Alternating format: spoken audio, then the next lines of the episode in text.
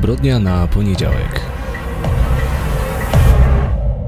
Czyta Wojciech Chmielarz.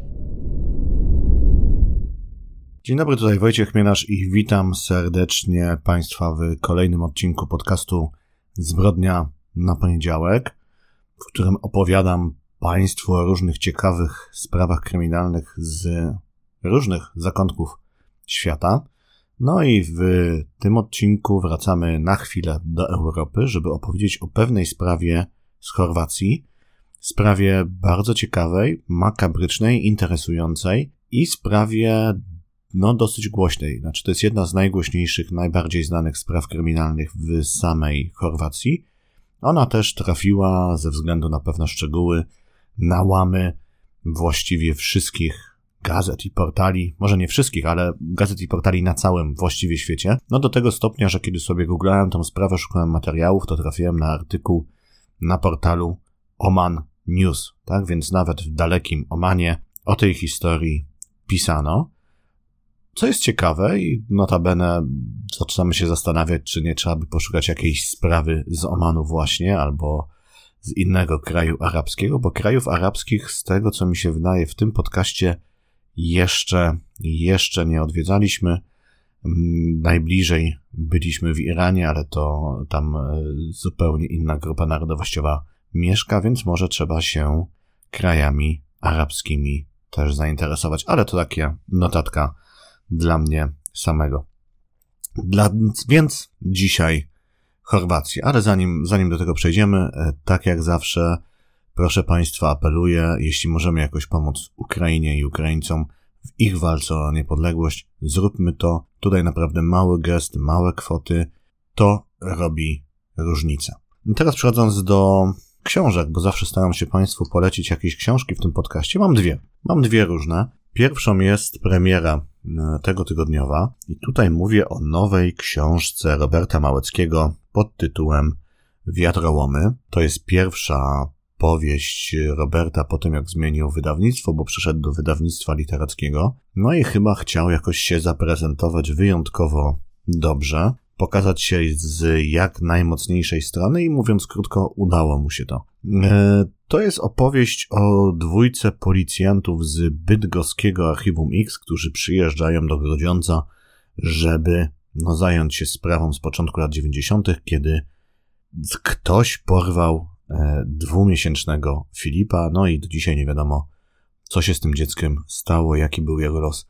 Tam są co prawda jacyś podejrzani, po okup zgłaszali się jak jacyś gangsterzy, ale tak naprawdę sprawa jest nierozwiązana. No i dwójka policjantów, Maria Herman i Olgierd Borewicz, z ksywką oczywiście 07, no próbują tą tajemnicę rozwikłać. No i tak e, w swojej recenzji pisałem tej książki trochę pół żartem, pół serio, że to jest takie the best of Roberta Małeckiego, czyli dostajemy dokładnie to, za co lubimy, kochamy jego książki. Mamy dwójkę policjantów z takimi poharatanymi życiorysami, którzy muszą się zmagać ze swoimi demonami. Mamy małe miasteczko, mamy tajemnice sprzed lat, mamy wielowątkowe, skomplikowane śledztwo, no i bardzo mocną intrygę, która no, ma dosyć nieoczekiwane zakończenie, więc e, mi się ta książka bardzo podobała. Ja akurat takiego Małeckiego z takiego kryminałów policyjnych lubię najbardziej. No i bardzo wiatrołomy Państwu e, polecam. Przy czym no, wygląda też to na to, że to jest początek cyklu. No i fajnie tam pewne pionki Małecki rozstawił na planszy. Jestem ciekawy, co z tym zrobi w kolejnych tomach, więc e, Wiatrołomy Roberta Małeckiego, jeśli szukacie jakiejś fajnej kryminalnej rozrywki, fajnej kryminalnej lektury na jesień, to myślę, że ta książka Was bardzo zainteresuje. No i szczególnie, że to jest ponad na 500 stron, więc jest konkret, jest konkret, jest fajnie. E, a drugą książkę, którą bym chciał Państwu polecić, na którą bym chciał zwrócić uwagę, jest Smak trucizny Neila, Nila, Nila, tak to się czyta przecież, Nila Bradburego. To jest no właśnie, to jest powieść, nie powieść, to jest książka popularno-naukowa. No, jak sam tytuł wskazuje, o truciznach.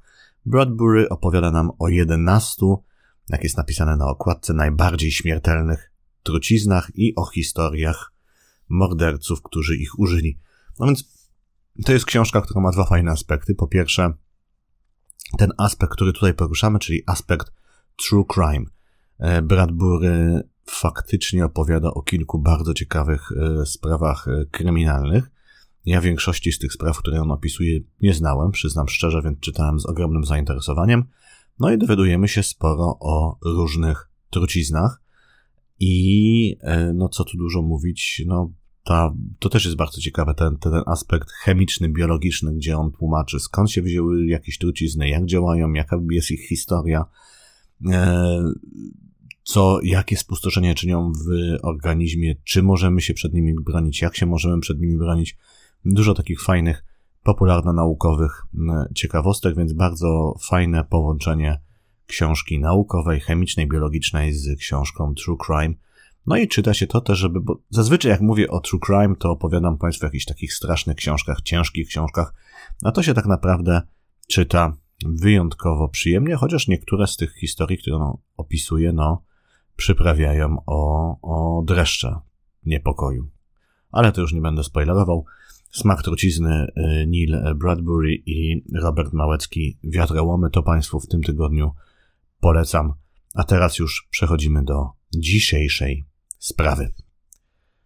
Co się dokładnie stało tamtego dnia w lutym 2019 roku we wsi Palowec na północy Chorwacji?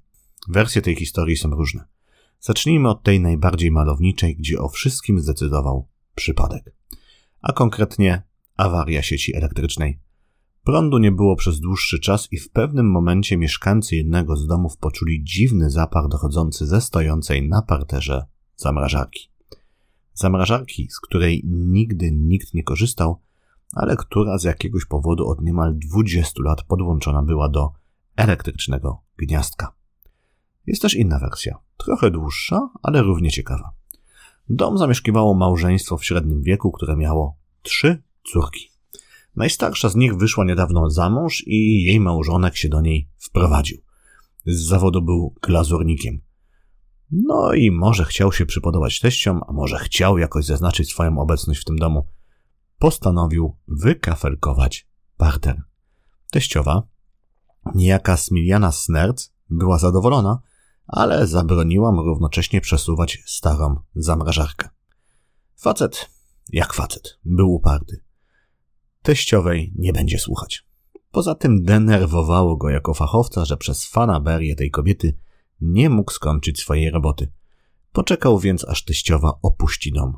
Wtedy zabrał się za przesuwanie zamrażarki. Otworzył ją, chociaż nie było to takie proste. I w środku znalazł zamrożone ciało kobiety. Ta kobieta miała 23 lata.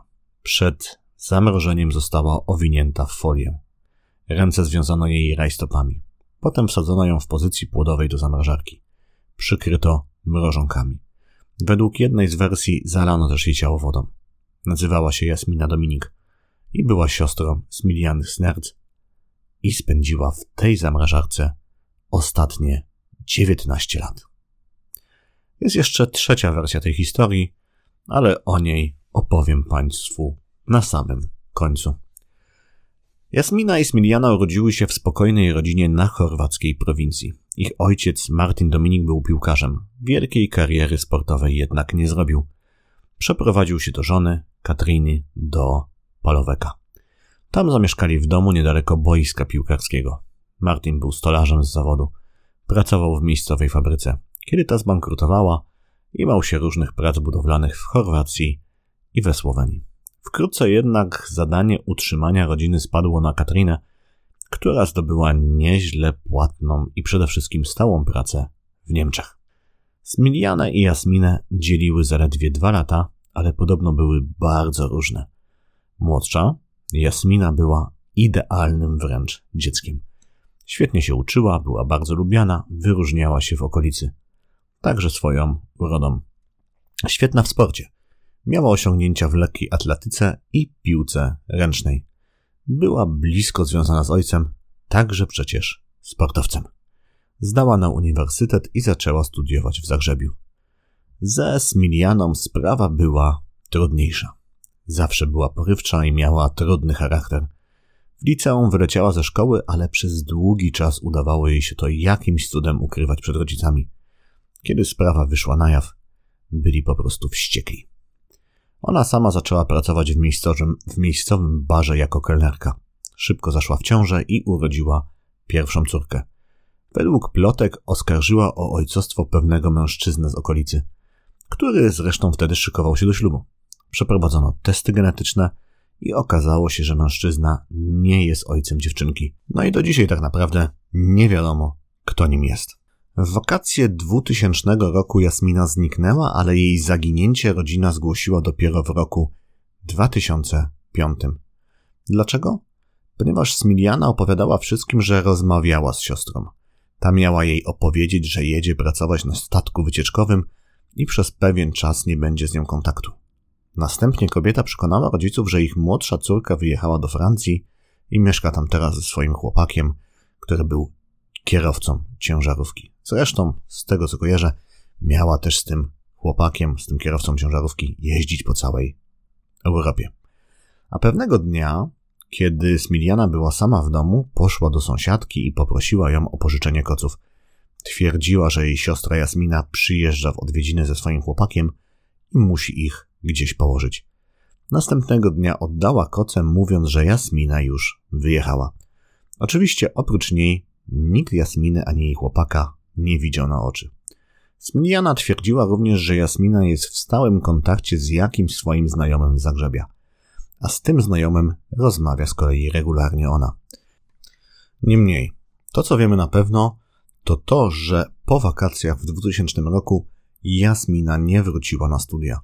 Pojawiają się głosy nielicznych świadków, którzy mieli ją widzieć nawet jesienią 2001 roku. Tak jak wspominałem, Palowiec to niewielka wieś. Mieszka tam mniej więcej 800 osób. Wszyscy kojarzyli Jasminę i Smilianę. I szybko zorientowali się, że dzieje się coś niepokojącego. Miejscowi policjanci starali się interesować sprawą, ale nie mieli żadnych przesłanek, żeby wszcząć dochodzenie.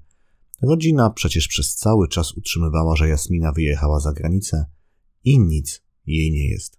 Dziewczyna była pełnoletnia, nikt nie zgłaszał zaginięcia. Dopiero jak wspominałem, w 2005 roku to zaginięcie zostało zgłoszone, wtedy też policjanci zintensyfikowali swoje działania. Podejrzewali, że z zaginięciem dziewczyny coś wspólnego mogą mieć jej bliscy. Brakowało jednak jakichkolwiek dowodów. Policjanci robili rozpoznania i oględziny domu. Według chorwackiego prawa oględziny nie oznaczają przeszukania. Funkcjonariusze mogli wejść do środka, mogli się rozejrzeć, ale nie mieli na przykład prawa otwierać żadnych szaf, szuflad i skrzyń, a tym bardziej stojącej na parterze zamrażarki. Funkcjonariusze nic więc nie znaleźli.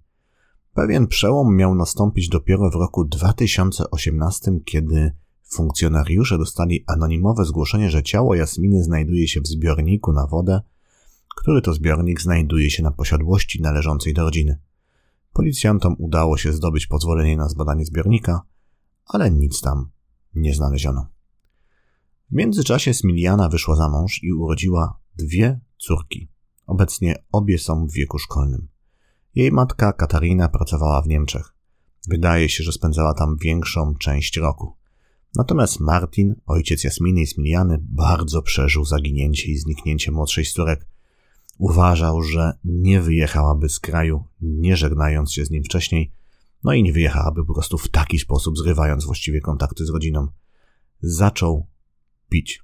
Pod wpływem alkoholu miały rozpowiadać, że Smiliana na pewno coś wie o zaginięciu siostry, że ma wiedzę, którą jednak nie chce się z nikim podzielić. Kiedy jednak policjanci chcieli z nim o tym porozmawiać, wszystkiego się wyparł. Zmarł na raka płuc w 2013 roku.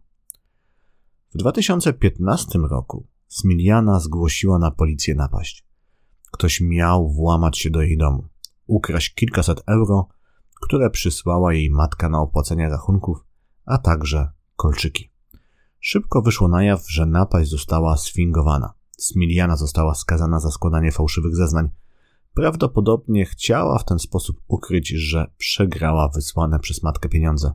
Znajomi często widzieli ją bowiem, jak grała na automatach. Czas płynął i wydawało się, że zagadka zaginięcia Jasminy nigdy się nie wyjaśni. Tak było aż do 2019 roku i momentu, kiedy po raz pierwszy od niemal dwóch dekad otworzono zamrażarkę.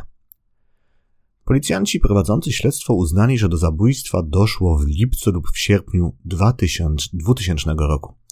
Jasmina została uderzona tępym narzędziem pięć razy w głowę. Już po pierwszym ciosie straciła przytomność. Umarła na miejscu. Niemal natychmiast została przeniesiona do zamrażarki. Co jest o tyle ważne, że zrobiono to zanim pojawiło się stężenie pośmiertne, co z kolei prowadzi do wniosku, że śmierć nie była wypadkiem. Całe zdarzenie było zaplanowane, bo sprawca przyszykował miejsce, gdzie chciał ukryć ciało. Następnie zamaskowano je mrożonkami. Zamrażarka została zamknięta i oklejona taśmą. W kolejnych latach stopiła się guma przy obudowie, co sprawiło, że zamrażarka była jeszcze trudniejsza do otworzenia. Według śledczych w sierpniu 2000 roku w domu oprócz Jasminy przebywała tylko Smiliana i to ona miała zabić siostrę. W domu Smiliany znaleziono także dokumenty Jasminy. Kobieta nie potrafiła wyjaśnić, skąd się tam wzięły. W 2021 roku Smiliana została skazana na 15 lat więzienia za zabójstwo. Była to najsurowsza kara za to przestępstwo, która obowiązywała w Chorwacji w roku 2000. Okolicznością obciążającą jest wcześniejsze skazanie za przestępstwo polegające na złożeniu fałszywego zeznania oraz fakt, że ukrywała ona los ofiary przez prawie 20 lat, twierdząc, że jej siostra przebywała za granicą. Popełniła przestępstwo z najwyższym stopniem winy, z zamiarem bezpośrednim, w stanie pełnej poczytalności i świadomości bezprawności działania, informowali sędziowie chorwackiego Sądu Najwyższego w komunikacie prasowym. Sędziowie odrzucili też jako okoliczność łagodzącą fakt, że Smiliana jest matką trójki dzieci. Zagadką pozostaje motyw zbrodni. Do dzisiaj tak naprawdę nie wiemy, dlaczego Smiliana miałaby zabić siostrę. W materiałach prasowych na temat sprawy znalazłem tylko jeden trop. Podobno tuż po odkryciu zwłok była przesłuchiwana przez policję. Jeszcze zanim została formalnie aresztowana, miała powiedzieć: Tak, zabiłam ją. Ona miała wszystko, ja nie miałam nic. Ona dostała wszystko, ja nie dostałam nic. Ale tak jak Państwu wspominałem na początku, jest jeszcze trzecia wersja tej historii, opowiadana przez jej męża i bliskich. Nie było żadnej przerwy w dostawie prądu, nie było żadnego przesuwania zamrażarki podczas nieobecności Smiliany w domu. Ona przez ten cały czas, w tym momencie, kiedy odkryto zwłoki, była obecna, wszystko widziała, razem z resztą rodziny pracowała przy remoncie. I kiedy zobaczyła, co się znajduje w środku zamrażarki, była równie zaskoczona i równie zszokowana, co wszyscy pozostali. Pomimo tego, że sprawa dotarła do chorwackiego Sądu Najwyższego, który potwierdził wyrok 15 lat więzienia, adwokat Smiliany Kresimir Golubica zapowiada dalszą walkę. Uważa, że jego klientka jest niewinna. Każdy członek tej rodziny mógł zostać skazany za pomocą tych samych dowodów, które doprowadziły do skazania mojej klientki, powiedział. On twierdzi, że chorwacki Sąd Najwyższy nie zrobił tego, co powinien, to znaczy on teraz skarży ten wyrok do jakiegoś odpowiedniku chorwackiego Trybunału Konstytucyjnego. Uważa, że Sąd Najwyższy w tym swoim wyroku potwierdzającym ten wyrok 15 lat więzienia tylko powtórzył to, co mówiły sądy niższej instancji, natomiast sam, a miał obowiązek jakby przeprowadzić to samodzielne postępowanie. No i z tego powodu chce ten wyrok podważyć. Natomiast no właśnie, bo to jest, to są kwestie proceduralne, jakieś formalne. Czy on ma jakieś tam poważniejsze argumenty, za, które przemawiają za niewinnością Smiliany? No więc okazuje się, że ma. Y, on twierdzi, że prokuratura nie zbadała i nie wzięła pod uwagę ważnych dowodów w sprawie. No i na przykład na rajstopach, którymi związano ręce Jasminy, miały się znajdować ślady męskiego DNA a na jej palcu wskazującym znaleziono siwy, prawdopodobnie też męski włos. Golubicz przytacza też zeznania świadków, którzy widzieli się z Jasminą w roku 2002 lub nawet 2003. Adwokat też podczas procesu chciał przeprowadzić eksperyment, w którym udowodniłby, że Smiliana byłaby fizycznie niezdolna do przeniesienia ciała siostry i do schowania jej do zamrażarki. Łącznie, jak mówił w wywiadach prasowych, proponował 35, około 35 wniosków dowodowych i one wszystkie zostały przez sądy niższej instancji odrzucone. Sama Smiliana nigdy nie przyznała się do winy, przynajmniej nieoficjalnie, no i na sali sądowej powiedziała, że tęskniła za siostrą każdego dnia, kiedy jej nie było.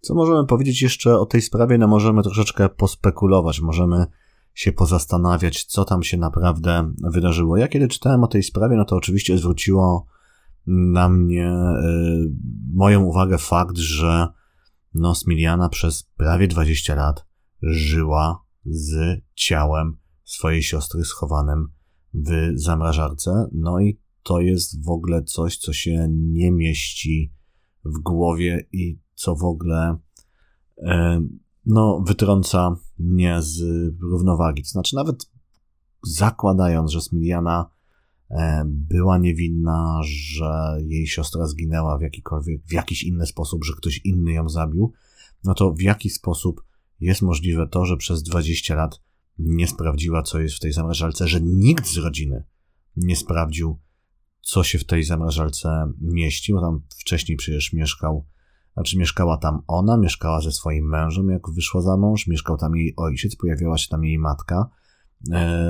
a potem e, dwie jej córki, no i w końcu się pojawił zięć, który tą e, zamrażarkę jako jedyny otworzył. I żeby też była jasność, no z tego, co jest opisane w artykułach prasowych, to nie, było, to nie jest tak, że ta zamrażarka była gdzieś ukryta, schowana nie wiadomo gdzie, że nie było do niej dostępu. Ona stała generalnie gdzieś tam na parterze, wszyscy obok niej codziennie e, przechodzili i e, no, to jest coś, na co w jednym z wywiadów, z materiałów prasowych zwrócili uwagę mieszkańcy tej wioski, tak, że im się nie mieści w głowie, że no, Smiliana musiała codziennie na tą zamrażarkę patrzeć. Natomiast ja tutaj mam kilka wątpliwości, znaczy inaczej. Wydaje mi się, że Smiliana musiała mieć coś wspólnego ze śmiercią siostry. I tutaj jakby wielkich wątpliwości nie mam.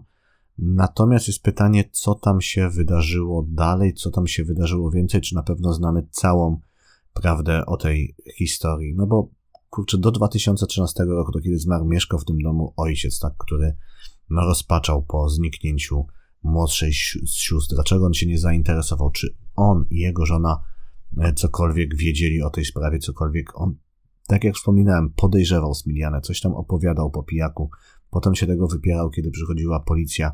Dlaczego, co tam się wydarzyło? Oczywiście ta sytuacja, kiedy psychologicznie, tak, kiedy jedno dziecko zabija drugie, jest niewiarygodnie trudna, ale no, co co właściwie się stało. Jak się stało, dlaczego się stało, dlaczego to ciało przez 19 lat nikt go nie odkrył, bo ona, no, mówię, powtórzę to raz jeszcze i, i obiecuję, że po raz ostatni, ona nie było jakieś super ukryte, ona nie było specjalnie ukryte, ta zamacharka cały czas stała przez 19 lat, nikt z niej nie korzystał, była podłączona do prądu. Dlaczego nikt tam nie zajrzał? Nie mieści, nie mieści mi się to po prostu w głowie.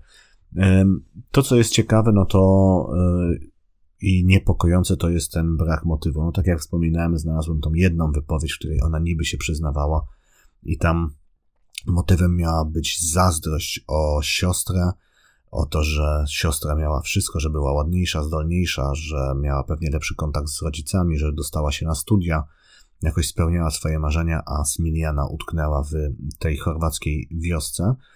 Tam gdzieś w innym artykule też znalazłem jakiś y, urywek, w którym sugerowano, że tam była jakaś kłótnia o mężczyznę pomiędzy siostrami. Natomiast y, no to się pojawiło w jednym miejscu, ten wątek jakby nie znalazł żadnej kontynuacji, czy coś tam takiego było, nie wiem. z pewnej, no, z, wydaje mi się to interesujące, więc o tym opowiadam, że być może tam był e, motywem była zazdrość o mężczyznę.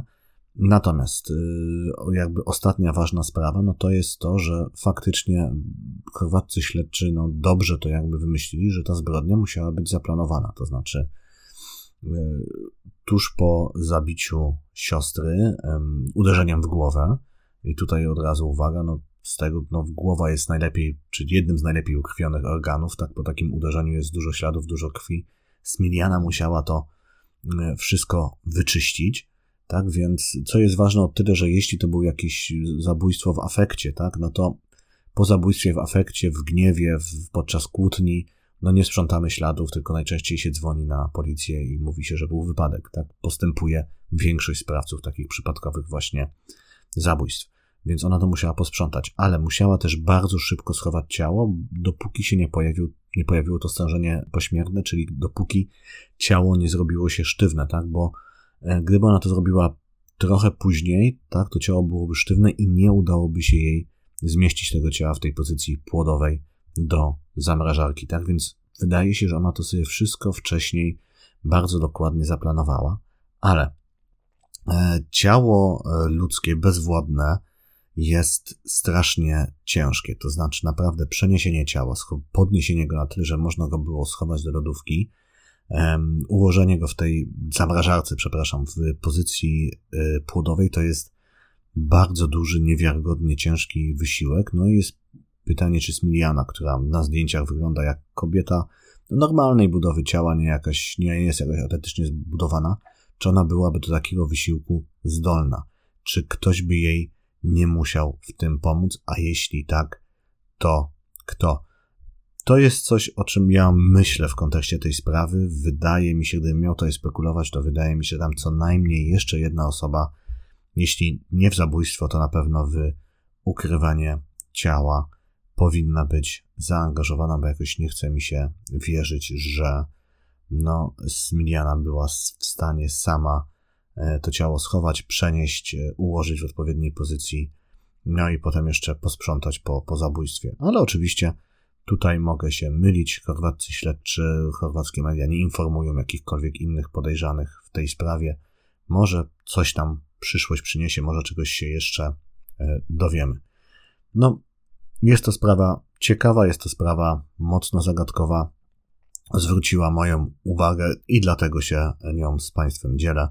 Mam nadzieję, że też się wydała Państwu interesująca. E, z mojej strony tutaj już wszystko. Kończymy ten odcinek. W przyszłym tygodniu, jeśli zdążę przygotować podcast, to zobaczymy, co tutaj się wydarzy. Trochę na mnie pracy spadło, ale mam nadzieję, że się uda. W przyszłym e, tygodniu planuję zabrać Państwa e, na Węgry i opowiedzieć o pewnej historii, no sprzed wielu, wielu lat, ale historia jest ciekawa. No chyba, że wpadnę jednak, znajdę jakąś ciekawszą sprawę z Omanu czy z jakiegoś innego arabskiego państwa, ale planujemy ostrożnie Węgry. E, ja bardzo dziękuję Państwu za uwagę. Mam nadzieję, że Państwu podobał się ten odcinek. Jeśli się podobał, jeśli w ogóle podoba się Państwu to, co robię, to proszę o subskrybowanie, o lajkowanie, o dzielenie się tym podcastem, o komentowanie. E, to wszystko pomaga w dotarciu do nowych słuchaczy. E, no i raz jeszcze, na koniec, dzięki wielkie. Do usłyszenia w przyszłym tygodniu. To była Zbrodnia na poniedziałek. Wojciech Mianasz.